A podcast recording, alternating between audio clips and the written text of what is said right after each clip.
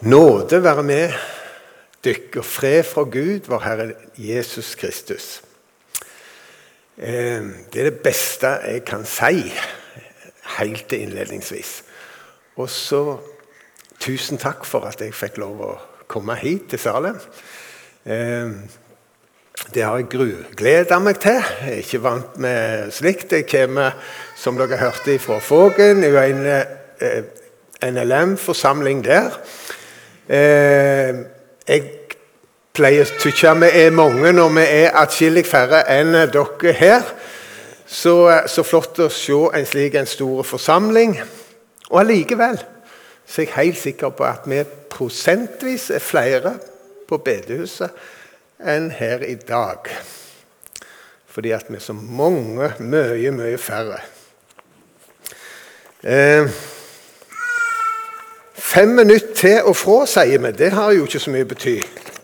Og Det kan noen ganger være sant, men i dag fikk fem minutter til og fra stor betydning. Fordi at jeg skulle ta ei ferje som gikk eh, eh, kvart på ti fra Fågen. Gratisferje. Det gjorde hun ikke. Hun gikk ti over halv. Og dermed så, så jeg bare at hun forsvant og det hjelpte ingenting å tute eller fløyte eller noen ting. Hun bare gikk. Hva gjør vi da?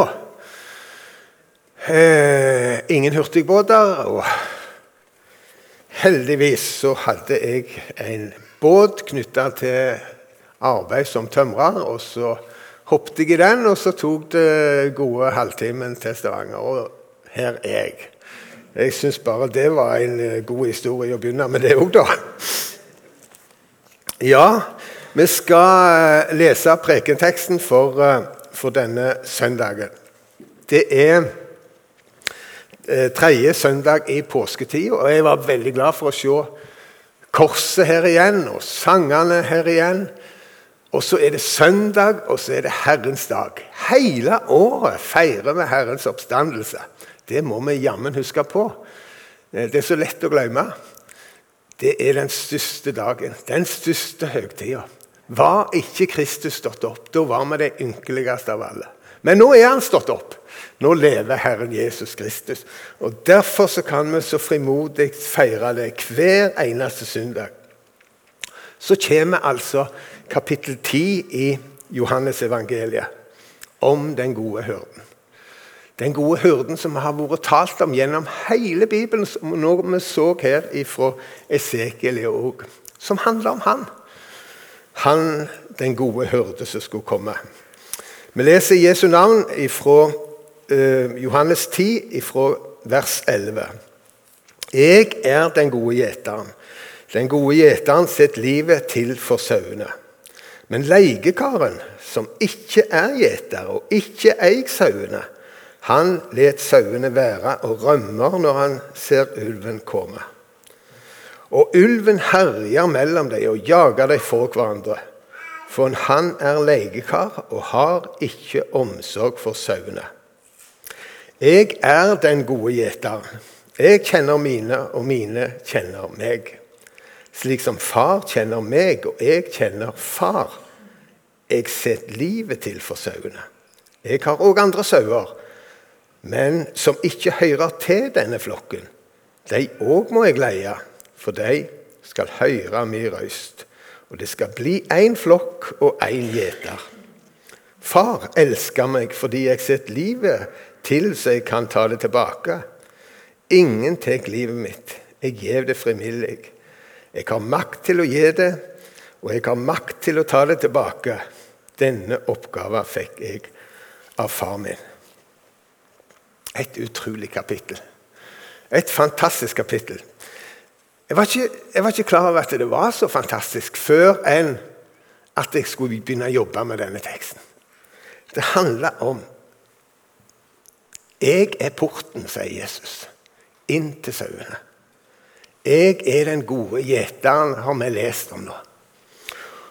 Og det jeg oppdager aller først, det er at eh, Jesus begynner dette kapitlet med å si 'Sannelig, sannelig, jeg sier dere'. Og det sier han mange plasser.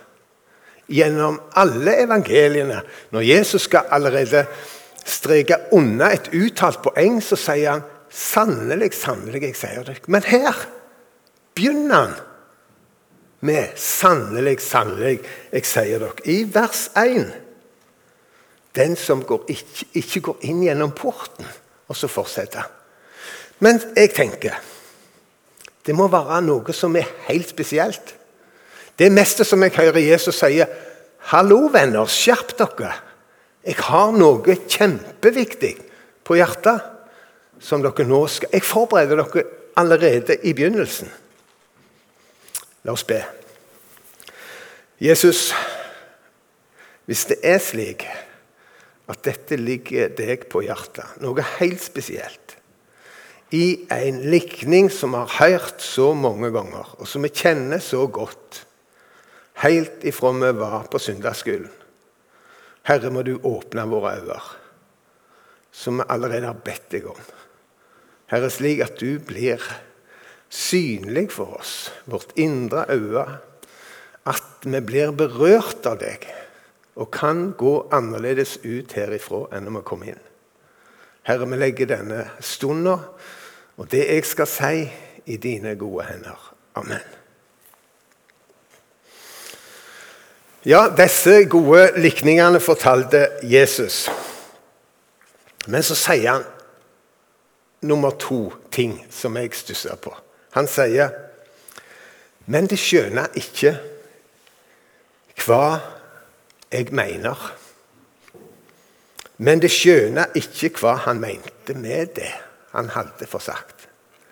Ja, Var ikke det til å undre seg, da?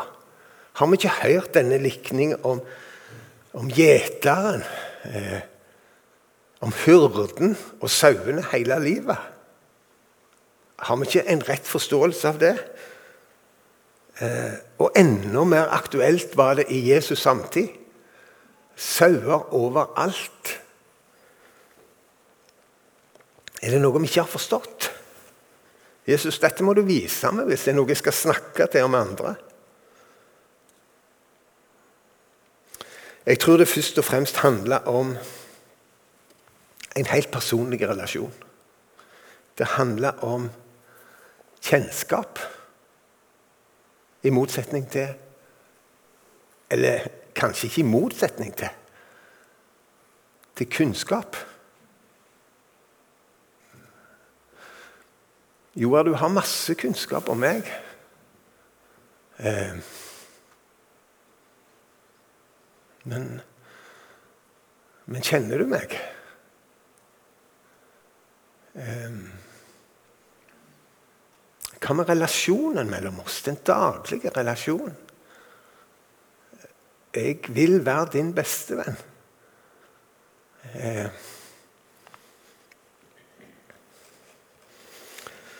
Jesus sa ganske kjapt i kapittelet 'Jeg kjenner mine, og mine kjenner meg'.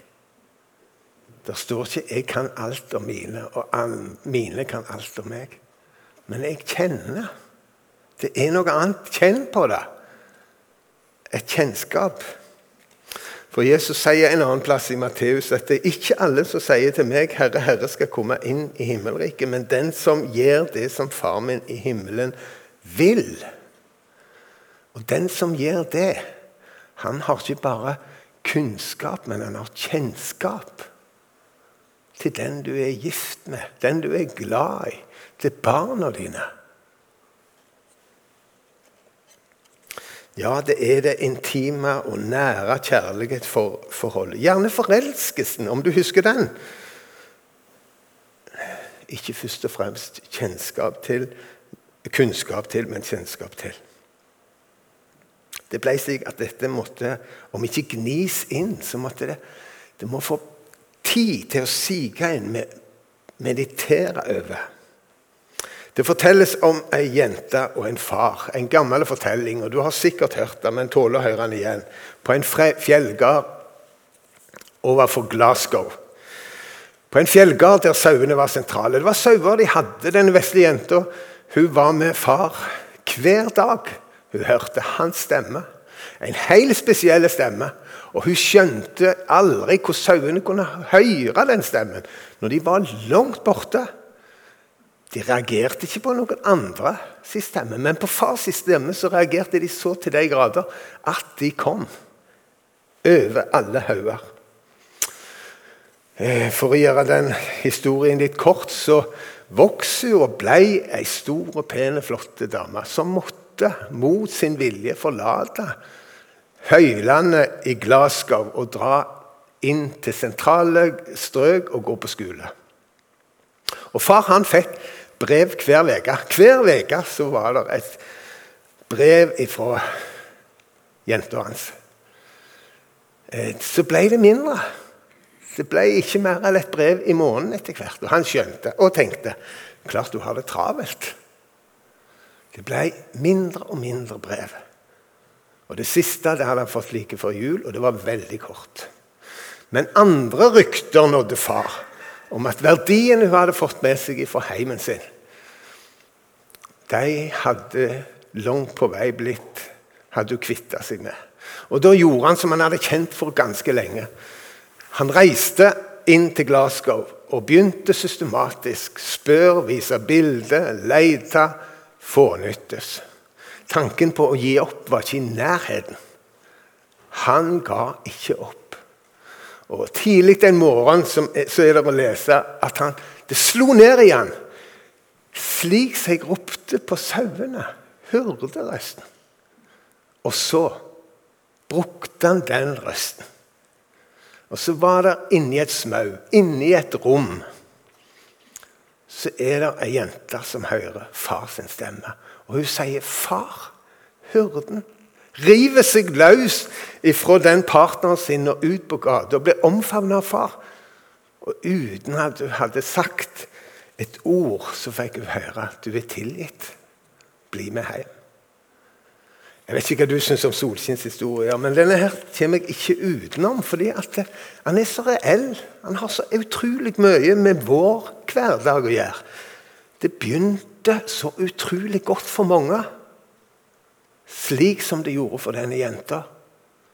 Og av uforståelige grunner så gikk det så gale. Ja, Var det ikke slik i tidenes morgen òg, da? Med Adam og Eva? Var det ikke det?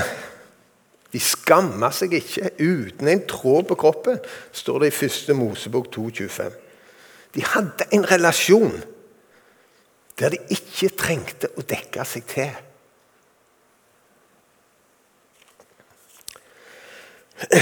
De eh, Alt var åpent og og alt var såre vel. Og ordet skam, det var et fremmedord. Ingen visste hva det betydde. Alt var åpent. Det var i begynnelsen. Jeg kjenner mine, og mine kjenner meg. Mest som det var, kunne vært skrevet inn i første Motebok, det som vi nå leser i Johannes evangeliet. En utrolig sterk personlig relasjon om fellesskap, om det å høre til mellom hurden og sauene. Ja, En annen plass så leser vi faktisk at den gode hyrde han forlater de 99. De 99, Det var risiko med det, forlate 99. Men det gjorde han, for det var én som mangla. Det var ikke bare et tall. Men det var én han kjente med navn. Det var én han kjente styrken til og svakhetene til. Det var én han så potensialet til. Det var en som var hans. Og han gikk ifra de 99 for å finne den ene. Og når han fant den, så tok han den opp på skuldrene sine og bar han hjem. Fantastisk.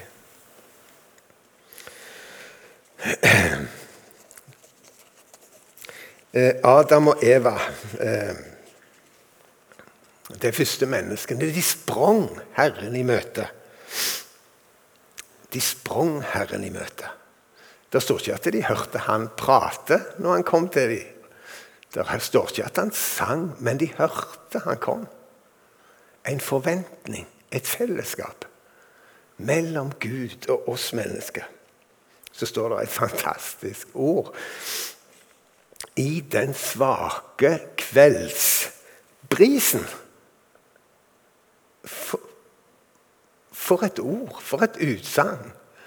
Gud kom til dem i den svale kveldsbrisen. Eh, det var, du leser ikke inn noen streng far som kom med pekefinger.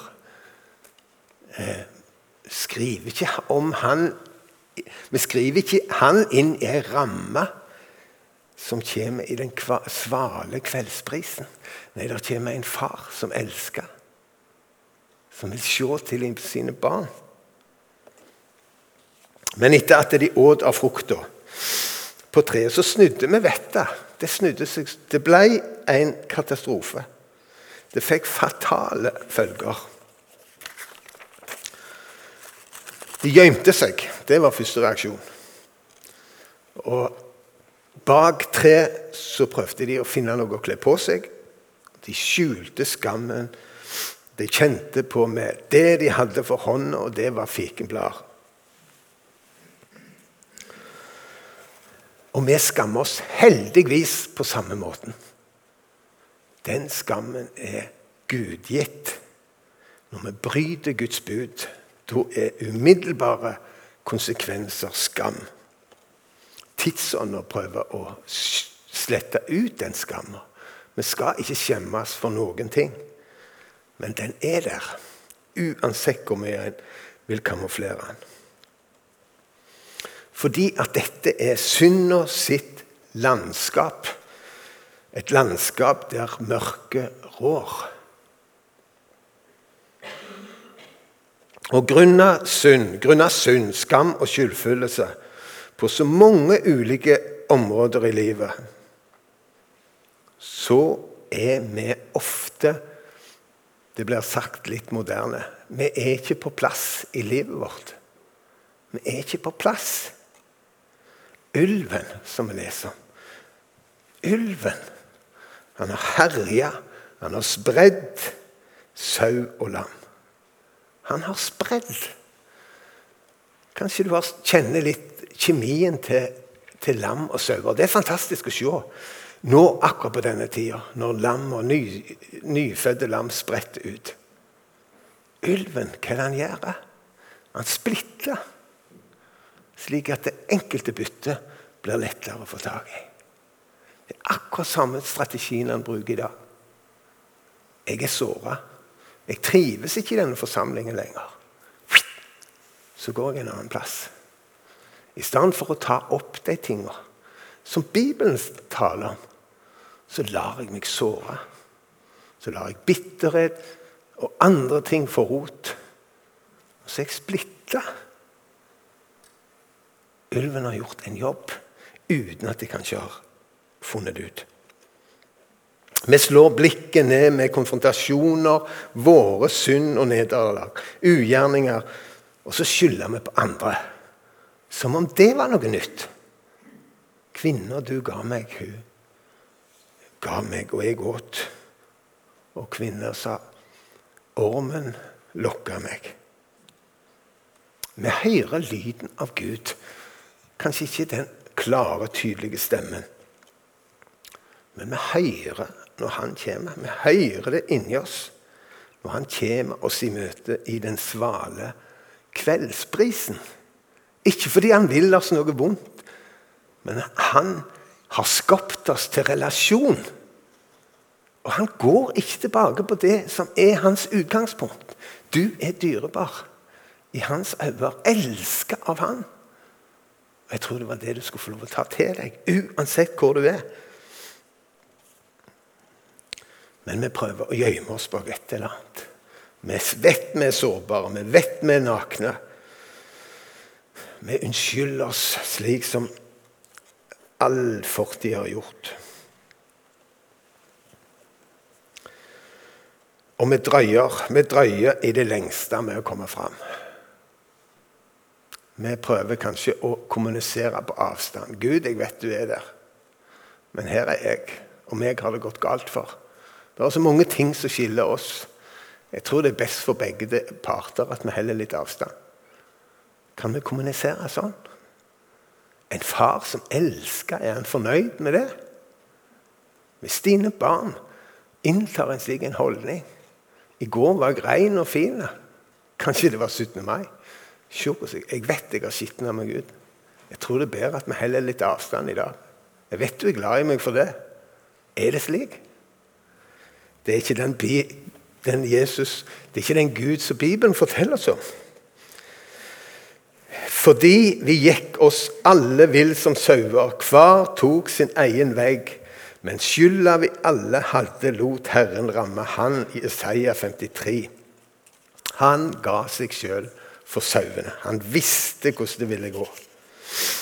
Er det mulig for oss å komme tilbake til, til utgangspunktet før syndefallet? Når vi nå har feira påske, når korset er tomt, graven er tom, Jesus sto opp og han lever, er det ikke da oppretta fullkomment?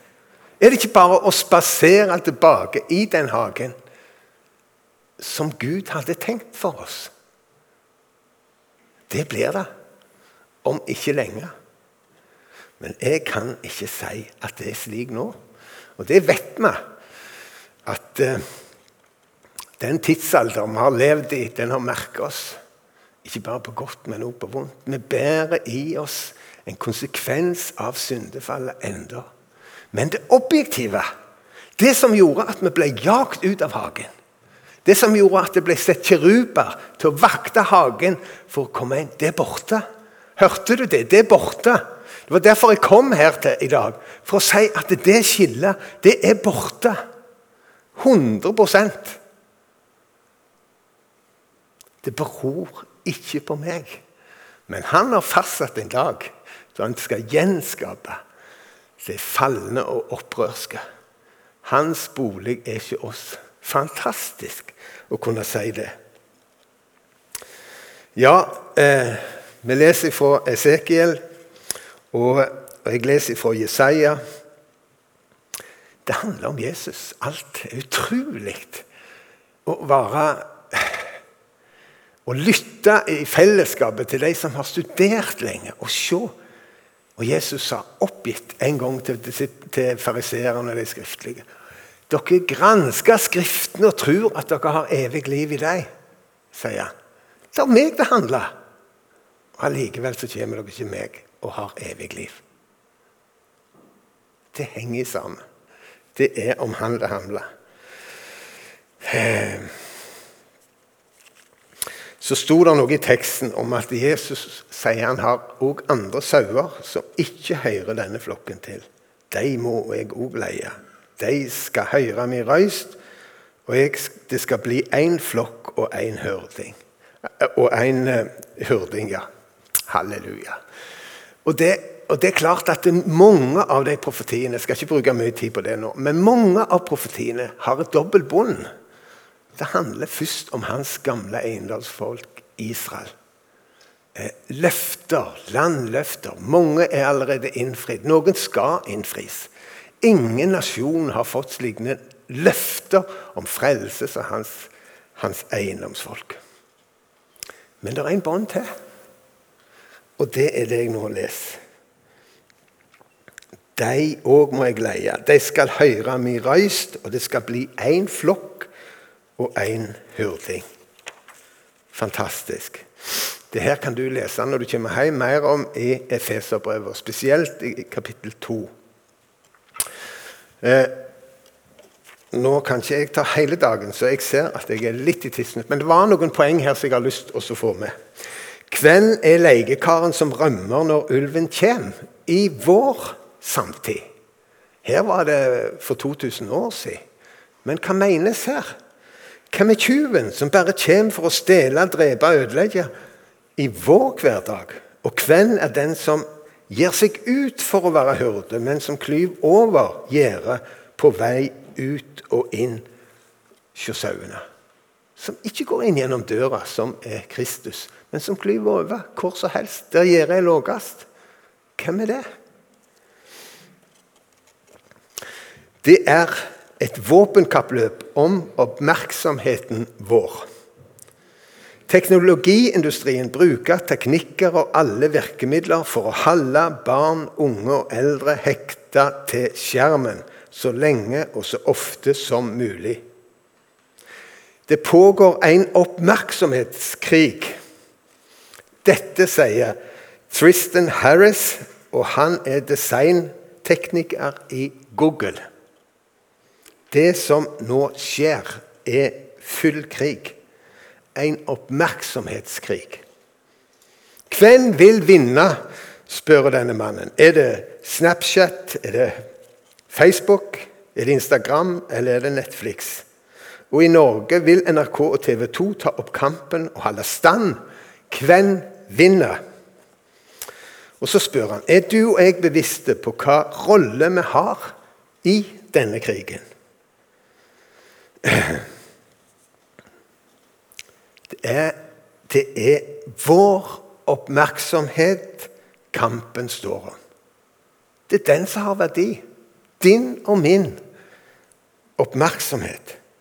Og den som får mest oppmerksomhet, han vinner.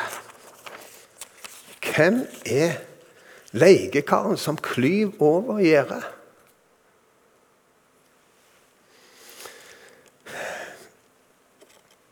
Vår prioriteringer Daglige prioriteringer, bruk og tid er deres kapital og etter hvert svimlende formue. Og så leser jeg noe som eh, skal være seriøst, men jeg reagerte på det sjøl. Men her står det som meg at vi blir i snitt utsatt for 3000 inntrykk på ulike sosiale medier hver eneste dag. Det gjelder barn, det gjelder unge, og det gjelder òg oss som er godt voksne. 3000 påvirkninger hver dag. Hvem er leiekaren? 10-20 av disse er relevant for oss.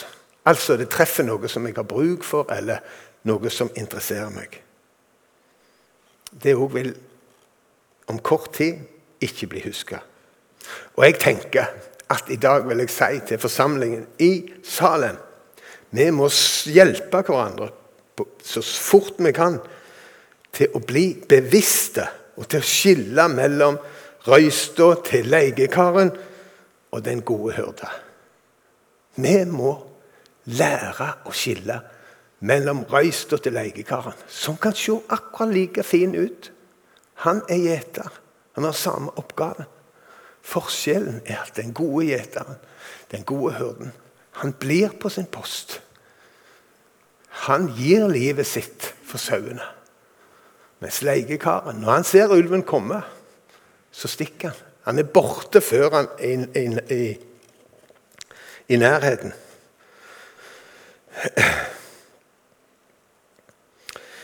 Eh, og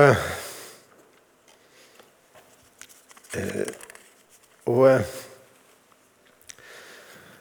vi må se vi kan se med å studere fotavtrykk så er det noen som er veldig Min kone hun er utrolig god. Jeg må få skryte litt av henne. For det at når hun ser er Det hare, sier hun. Eller det er noe annet. Hvordan kan du være så sikker på det? Jo, fordi går, sporet går rett fram. Det er det ingen andre som gjør. Og så, og så er det mange dyr. Og så er det fugler. Eh, jeg er ikke flink. Men vi må bli flinke i forhold til det å kjenne spor og høre røyst, det er på ramme alvor. Og på det punktet så sier Jesus Var det dette du mente? Når du sa sannelig, sannelig, jeg sier deg.